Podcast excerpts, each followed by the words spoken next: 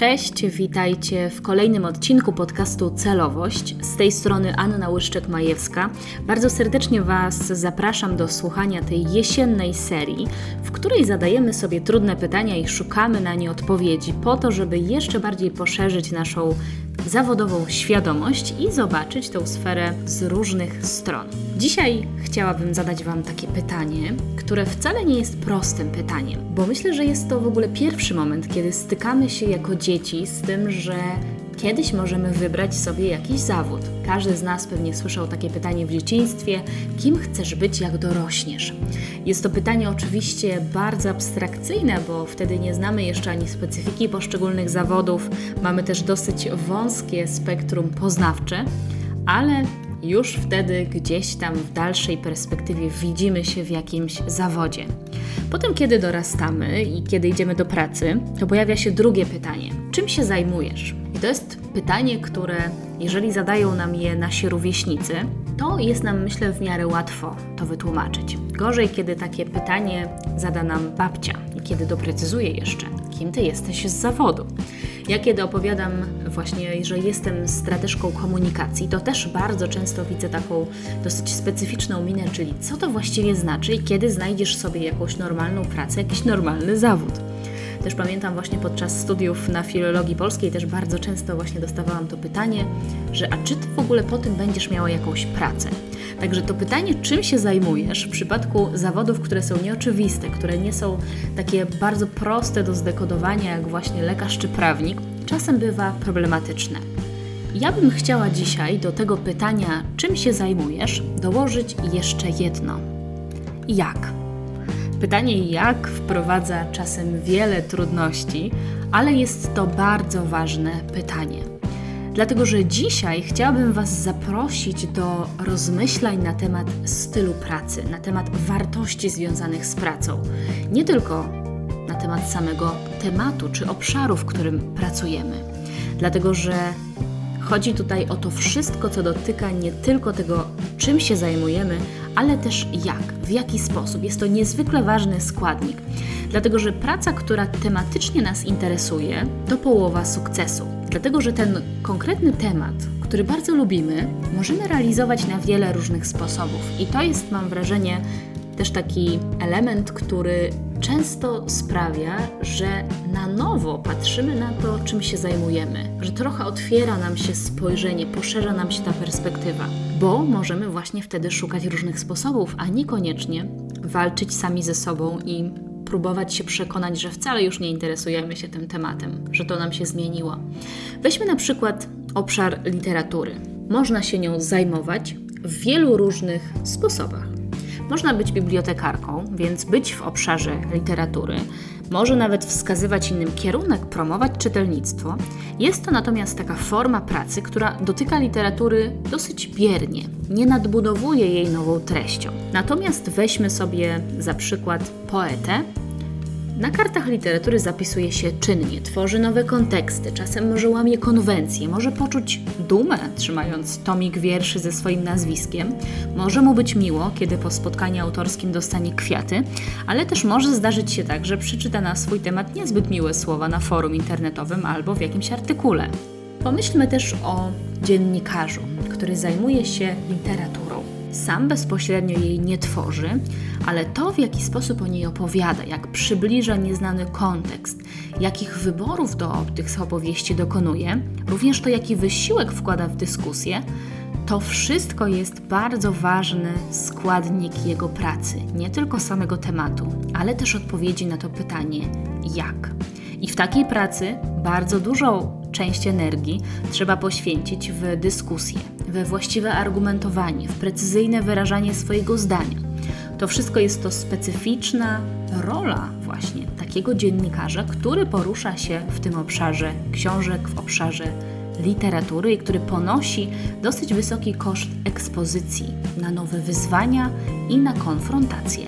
Dlatego zobaczcie, jeden temat przewodni, literatura, może być realizowany w tak wielu różnych specyficznych formach. Każda z nich ma dużo do zaoferowania, ale też stawia przed nami pewne bardzo konkretne wymagania i pewien koszt, który trzeba ponieść. Koszt, który uwzględnia na przykład energię, albo długie godziny spędzone na czytaniu książek, albo kontakt z innymi ludźmi.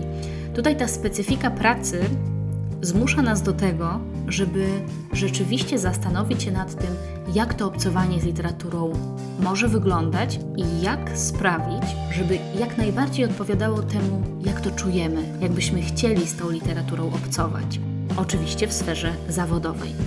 Jest to niezwykle ciekawy temat i ja bardzo często do niego wracam, nawet myśląc na temat swojego obszaru zawodowego. Dlatego na pytanie, czym ja się zajmuję, odpowiadam, że zajmuję się komunikacją. Ale na pytanie, w jaki sposób i jak, odpowiadam, że jestem strateżką komunikacji. Moja praca ma to do siebie, że w dużej mierze jest pracą koncepcyjną, to znaczy jest podzielona na taki obszar, w którym Mam pracę składającą się głównie z tego, że muszę przeanalizować dużą ilość danych, raportów, treści, ale też bardzo często takich informacji wynikających z researchu, z wypowiedzi internautów, czy też po prostu z mm, obserwacji, które mam, które muszę poczynić po to, żeby móc zgłębić jakiś temat. I w tej sferze koncepcyjnej na przykład dochodzę do pewnych obserwacji, do zauważenia konkretnych potrzeb konsumenckich, czy też do wypracowania strategicznego kierunku komunikacji. I tutaj zaczyna się druga część pracy, czyli praca, w której współpracuje się już z dosyć sporą grupą osób bo tutaj zarówno jest kwestia drugiej strony, czyli kwestia klienta, relacji z klientem, który ma bardzo konkretne wyzwania do zrealizowania właśnie w sferze marketingowej, w której trzeba być partnerem do rozmowy, znajdywać różne odpowiedzi i sposoby na to, żeby właśnie te wyzwania jak najlepiej zrealizować poprzez komunikację. Jest tutaj również taki składnik jak praca z działem kreatywnym, i następnie jest faza realizacji, w której już taką właśnie dosyć abstrakcyjną formę kierunku strategicznego, przepracowaną przez koncepcję kreatywną, wprowadza się już w konkretny mediaplan, czy w konkretny właśnie plan działania. I to jest już praca taka bardzo konkretna, taka, w której szukamy rozwiązań, w której pracujemy na konkretach e, i na pewnych właściwie bardzo jasnych regułach które trzeba po prostu zrealizować, tak żeby na końcu można było sprawdzić efektywność tego podejścia. A więc to jak jest bardzo tutaj e, specyficzne i charakterystyczne. To jak to nie jest tylko czytanie raportów, to nie jest tylko szukanie pomysłów, bujanie w obłokach, to jest też bardzo konkretna praca. Konkretna praca też czasami konfrontacyjna, która wymaga też e, pewnej odpowiedzialności za swoje decyzje, wyciągania wniosków, e, ale też pewnej umiejętności konfrontowania się kreatywnego. Nie jest to łatwa konfrontacja bardzo często, dlatego że właśnie reklama jest gdzieś tam taką specyficzną sferą, gdzie stykają się takie bardzo kreatywne obszary, takie bardzo kreatywne refleksje z takimi, które są praktyczne, które muszą też finalnie być efektywne i muszą zadziałać. Więc jest to bardzo specyficzna praca i to jak też wyobrażam sobie, że nie każdemu może pasować. Dlatego dzisiaj zwracam Wam na to uwagę. Na pytanie, czym się zajmuję, łatwo powiedzieć, że zajmuję się komunikacją, ale na pytanie, jak trzeba odpowiedzieć bardzo konkretnie i też sami przed sobą musimy być szczerzy z tym, czy to jak nam odpowiada. Pracy doradcy zawodowego często można posługiwać się różnorakimi formularzami, dlatego że one pomagają ustalić pewien kierunek, pewną tendencję. Nie jest to oczywiście taka wyrocznia zawodowa, która jest jednym, jedynym możliwym scenariuszem, ale jest to pewien kierunek, pewien punkt, od którego można się odbić, od którego można zacząć poważne rozmyślania i zobaczyć, jak czujemy się z tą pierwszą diagnozą. W tym naszym dzisiejszym kontekście bardzo ciekawym elementem układanki może być formularz, który uważam, że jest niezwykle ciekawy i który obejmuje tak zwane kotwice kariery. Edgar Schein na podstawie różnorakich badań sformułował taki wniosek, że istnieje bardzo ścisły związek między naszym systemem wartości, naszymi potrzebami, a tak zwanymi kotwicami, czyli tym rodzajem wartości, rodzajem specyfiki pracy, którą podejmujemy. I właśnie w ramach tej koncepcji powstało takich osiem grup wartości zwanych kotwicami. Po pierwsze, jest to profesjonalizm, czyli taka chęć bycia fachowcem, chęć właśnie bycia ekspertem, potwierdzanie własnego mistrzostwa w jakiejś konkretnej dziedzinie. Tutaj jest też taka motywacja do obejmowania stanowisk kierowniczych. To wszystko mieści się w profesjonalizmie. Druga kotwica to przywództwo. Tutaj wtedy takim głównym celem zawodowym stają się nowe doświadczenia w zakresie zarządzania ludźmi, w zakresie podejmowania odpowiedzialności, poszerzania trochę swojego zasięgu, swojej władzy i też do, dążenie do sukcesu, takiego, który wynika właśnie bezpośrednio z objęcia takich bardzo przywódczych stanowisk. Trzecia kotwica to autonomia i niezależność. Dla osób, których właśnie tutaj ta kotwica jest ważna, to istotne jest bardzo takie poszerzanie marginesu własnej swobody, to żeby mieć jak najwięcej do powiedzenia, żeby móc pracować na własnych zasadach, żeby nie musieć męczyć się z takimi więzami, ograniczeniami, narzuconymi schematami. W związku z tym też właśnie takie osoby szukają stanowisk bardzo samodzielnych. Czwarta kotwica to bezpieczeństwo i stabilizacja. I tutaj dla osób, które mają właśnie taką kotwicę, Głównym napędem jest taki emocjonalny związek z firmą, poczucie lojalności. Też to, że ta praca jest w pewnym sensie bezpieczna, to jak to rozumiemy, może być bardzo różnorodne, bo może być to po prostu dobra umowa, która sprawia, że czujemy się bezpiecznie w takim formalnym zakresie. Albo na przykład jesteśmy w gronie ludzi, którzy zapewniają nam takie poczucie stabilizacji i bezpieczeństwa. To jest czwarta kotwica.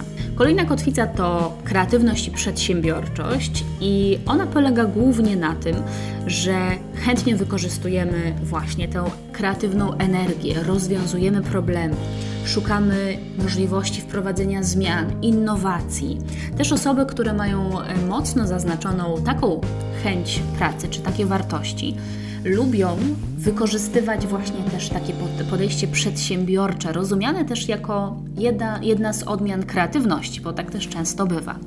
Kotwica szósta to usługi i poświęcanie się dla innych, i wtedy głównym celem staje się realizacja takich wartości pomocowych, rozwiązywania problemów politycznych, pomagania innym, leczenie, uczenie innych. To jest właśnie takie oddanie się słusznej sprawie i praca na rzecz innych osób. Kotwica siódma to wyzwanie, i tutaj e, jest taka duża potrzeba właśnie być w takiej kulturze trochę rywalizacji, trochę walki na bardzo różnych polach, bo może to być po prostu walka o zysk, może to być walka o uratowanie firmy. Jest to bardzo szerokie spektrum, ale jednak to wyzwanie jest tutaj bardzo mocno zaszyte. No i ósma kotwica to styl życia, chęć tego, żeby zachować pewne proporcje, pewną równowagę, harmonię pomiędzy różnymi aspektami życia, przede wszystkim pomiędzy właśnie pracą, a tym naszym życiem prywatnym, osobistym. Nie chcemy, żeby te sfery się mieszały. Czasem możemy zrezygnować nawet właśnie z wyższego dochodu na rzecz tego, żeby móc te dwie sfery oddzielić. To, co ja bardzo lubię w pracy z tym kwestionariuszem, bo jest po prostu bardzo konkretny formularz składający się z różnych pytań, na które odpowiadamy i otrzymujemy wynik, który tworzy nam taki ranking naszych kotwic.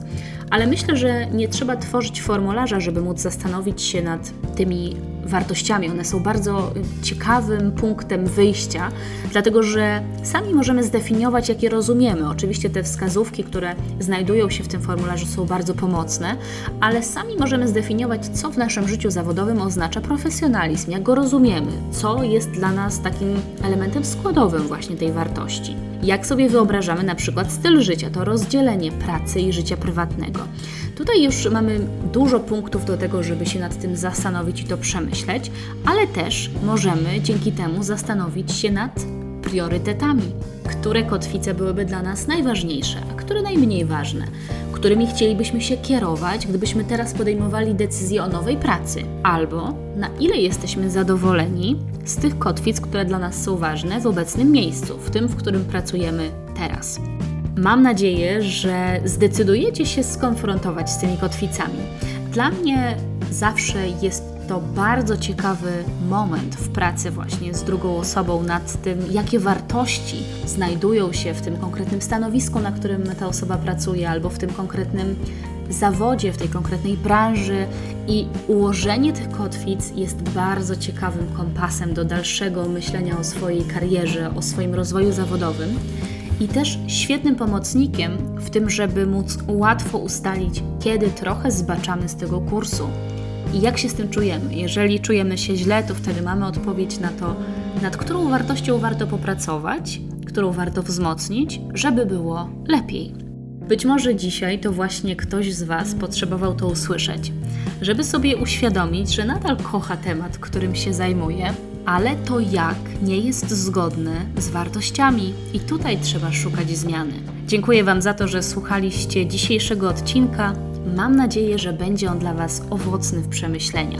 Zachęcam Was oczywiście jak zwykle do regularnej pracy i pogłębiania swojej zawodowej świadomości, bo im więcej wiemy, tym lepsze decyzje możemy podejmować. Ja postaram się zapewnić Wam wiele różnych powodów do rozmyślań.